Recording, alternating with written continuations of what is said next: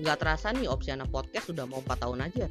Kira-kira apa rahasianya agar Opsiana Podcast itu bisa terus konsisten sampai sekarang? Jawabannya ya karena gue pakai Anchor, aplikasi yang memudahkan gue buat nge-podcast. Sehingga gue bisa nge-podcast kapan aja dan di mana aja. Tinggal rekam, edit, dan upload semuanya itu udah di satu aplikasi. Oleh karena itu kalian cobain juga pakai Anchor untuk bikin podcast original milik kalian.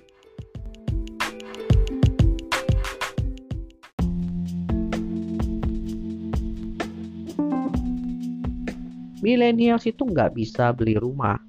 Pertanyaannya, emang iya seperti itu? Gue ngelakuin riset kecil-kecilan tentang apakah milenial itu bisa beli rumah atau tidak. Dan gue menemukan beberapa alasan kenapa millennials itu akan terhambat dalam membeli rumah. Bukan tidak bisa ya, tapi terhambat. Dan menariknya di sini adalah beberapa alasan ini ada yang kontradiktif satu dengan yang lain. Karena memang gue mencari riset-riset itu dan ketemu beberapa perspektif yang ternyata berbeda nih. Jadi langsung aja kita bahas di sini. Alasan pertama kenapa milenial itu bisa terhambat beli rumah adalah karena harga rumah itu makin lama makin mahal. Hal ini udah pasti terjadi ya karena setiap tahun itu inflasi dari setiap negara itu pasti ada. Dan hal ini berdampak kepada uh, peningkatan harga di berbagai sektor. Salah satunya itu di harga rumah. Dan yang menjadi masalah di sini adalah harga rumah itu kan pasti mahal ya. Lalu kena inflasi juga. Asumsi harga rumah 100 juta, lalu inflasi 1% itu aja udah naik sekitar 1 jutaan. Which is kalau dibandingkan dengan kenaikan penghasilan ya, meskipun persentasenya itu bisa besar sekitar 5% atau 10%, tapi tetap aja kalau dihitung dari segi angka kenaikannya belum tentu bisa naik sejuta juga sehingga hal ini yang bisa dibilang menjadi uh, balapan waktu ya. Dengan penghasilan yang naiknya pelan dan juga harga rumah naiknya juga berbarengan gitu apakah milenial itu bisa beli rumah? Dan ketika mereka udah mampu apakah harganya itu masih masuk ke dalam kantong mereka? Ya bisa dibilang itu menjadi masalah yang paling sering dibahas juga. Lalu alasan kedua nih ternyata milenial itu punya kebiasaan berhutang dan hutangnya itu dipakai untuk sesuatu yang sifatnya konsumtif. Di mana di sini ada survei sekitar 40% para millennials yang berhutang itu mereka itu mengutamakan untuk kebutuhan yang sifatnya itu mendapatkan experience.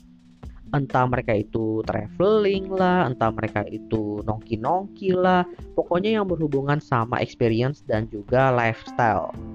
Sedangkan rumah sendiri itu tidak tergolong ke dalam lifestyle ya atau pengalaman, melainkan kepada kebutuhan pokok. Dengan jumlah hutang yang udah dimiliki milenial dari sisi konsumtif dan ketidaktertarikan mereka untuk uh, berhutang ke arah yang kebutuhan pokok membuat uh, millennials ini terhambat dalam membeli rumah. Ya antara mereka memang nggak mampu atau nggak memang mereka tidak tertarik aja. Lalu yang ketiga, karena sandwich generation. Untuk sandwich generation ini, ini dibagi ke dalam dua golongan ya. Di mana yang pertama itu sandwich generation, di mana mereka itu menanggung beban orang tua mereka dan juga keluarga mereka sendiri dan juga anak-anak mereka. Di sini bisa dibilang karena mereka itu terhimpit untuk membiayai uh, kebutuhan uh, keluarga mereka itu secara keseluruhan, akhirnya mereka itu bisa dibilang tidak memiliki uh, budget yang cukup untuk bisa membeli rumah gitu dan kalaupun mereka ambil KPR ada ketakutan bahwa nantinya itu ketika amit-amit lah mereka itu kehilangan pekerjaan siapa yang bisa melanjutkan Lalu yang golongan kedua adalah sandwich generation yang punya hutang warisan dari orang tua mereka. Ya anggap aja ini bebannya udah dari beban menghidupi keluarga juga ditambah dengan hutang yang diwariskan. Bebannya dua kali lah. Hal ini membuat para millennials tersebut itu memakan waktu yang lama. Pertama, mereka harus melunasi hutang orang tua mereka dulu. Kemudian setelah hutangnya lunas, mereka masih harus melanjutkan menghidupi keluarga mereka. Sehingga para millennials ini bisa dibilang cukup kesulitan untuk mengambil hutang KPR selama hutang warisan orang tua mereka itu masih ada karena ya bisa dibilang bebannya itu sangat berat. Dan ketika hutangnya itu udah lunas, Pertanyaannya apakah mereka itu masih mampu membeli rumah? Karena balik lagi di poin pertama, harga rumah itu makin lama makin mahal kan. Nah, mereka itu benar-benar harus melunasi utangnya bisa dibilang dalam waktu yang cepat kalau pengen harga rumahnya itu nggak begitu jauh. Lalu lanjut ke poin keempat. Nah ini sedikit beda nih perspektifnya dengan poin kedua di mana millennials itu punya kebiasaan berhutang. Kalau poin keempat, millennials itu malah mau bebas dari hutang. Bahkan para milenials ini mengatakan bahwa inilah menjadi prioritas mereka. Hal ini menjadi penghalang karena apa? Karena mereka itu benar-benar berusaha untuk tidak berhutang. Artinya apa? Sebisa mungkin mereka nggak ngambil KPR untuk beli rumah. Artinya apa? Kalau mereka pengen beli rumah, mereka mau beli dengan cash. Pertanyaan balik lagi, butuh berapa lama waktu mereka untuk ngumpulin uang untuk bisa beli rumah tersebut dengan cash? Dan kalaupun mereka pengen ngambil KPR, biasanya mereka itu pengen ngambil yang waktunya singkat. Artinya cicilannya juga uh, lumayan gede kan. Kalau cicilannya gede berarti kan mereka butuh penghasilan per bulan itu dalam jumlah tertentu. Ya balik lagi lah itu kembali ke strategi mereka tentang bagaimana mereka itu membeli rumah tanpa berhutang. Lalu sekarang kita masuk ke poin kelima, di mana ternyata millennials itu memang nggak mau beli rumah, di mana ada survei di mana sekitar satu dari empat para millennials itu memilih nggak membeli rumah.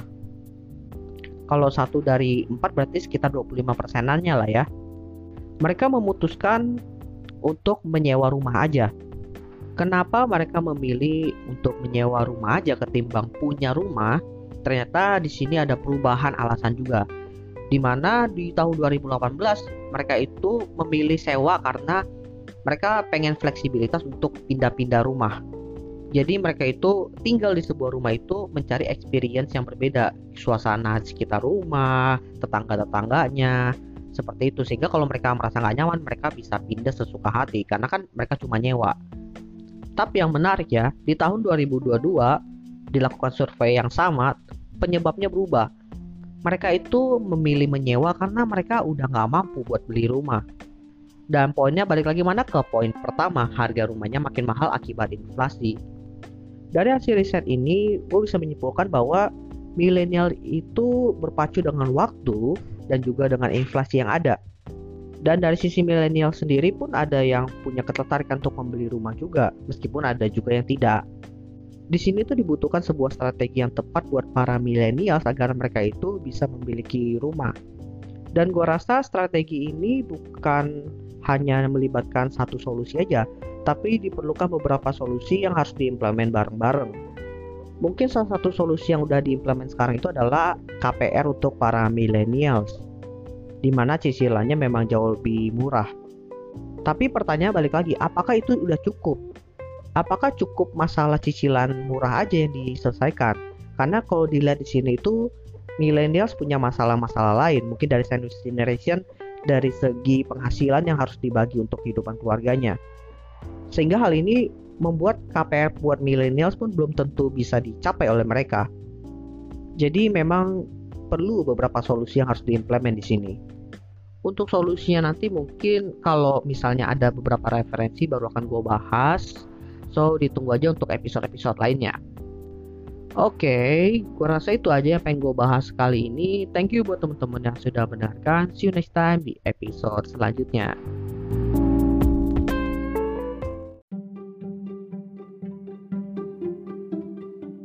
Halo semuanya, ayo follow akun sosial media Opsiana Podcast di @opsiana_media. Kalian bisa temukan di Instagram dan juga TikTok karena di sana akan banyak konten-konten menarik dan tentunya update terkait episode terbaru dari Opsiana Podcast. Oleh karena itu, ayo cepat di follow sehingga tidak ketinggalan update terbarunya. Terima kasih dukungannya teman-teman, jangan lupa di follow dan juga see you next time di episode lainnya.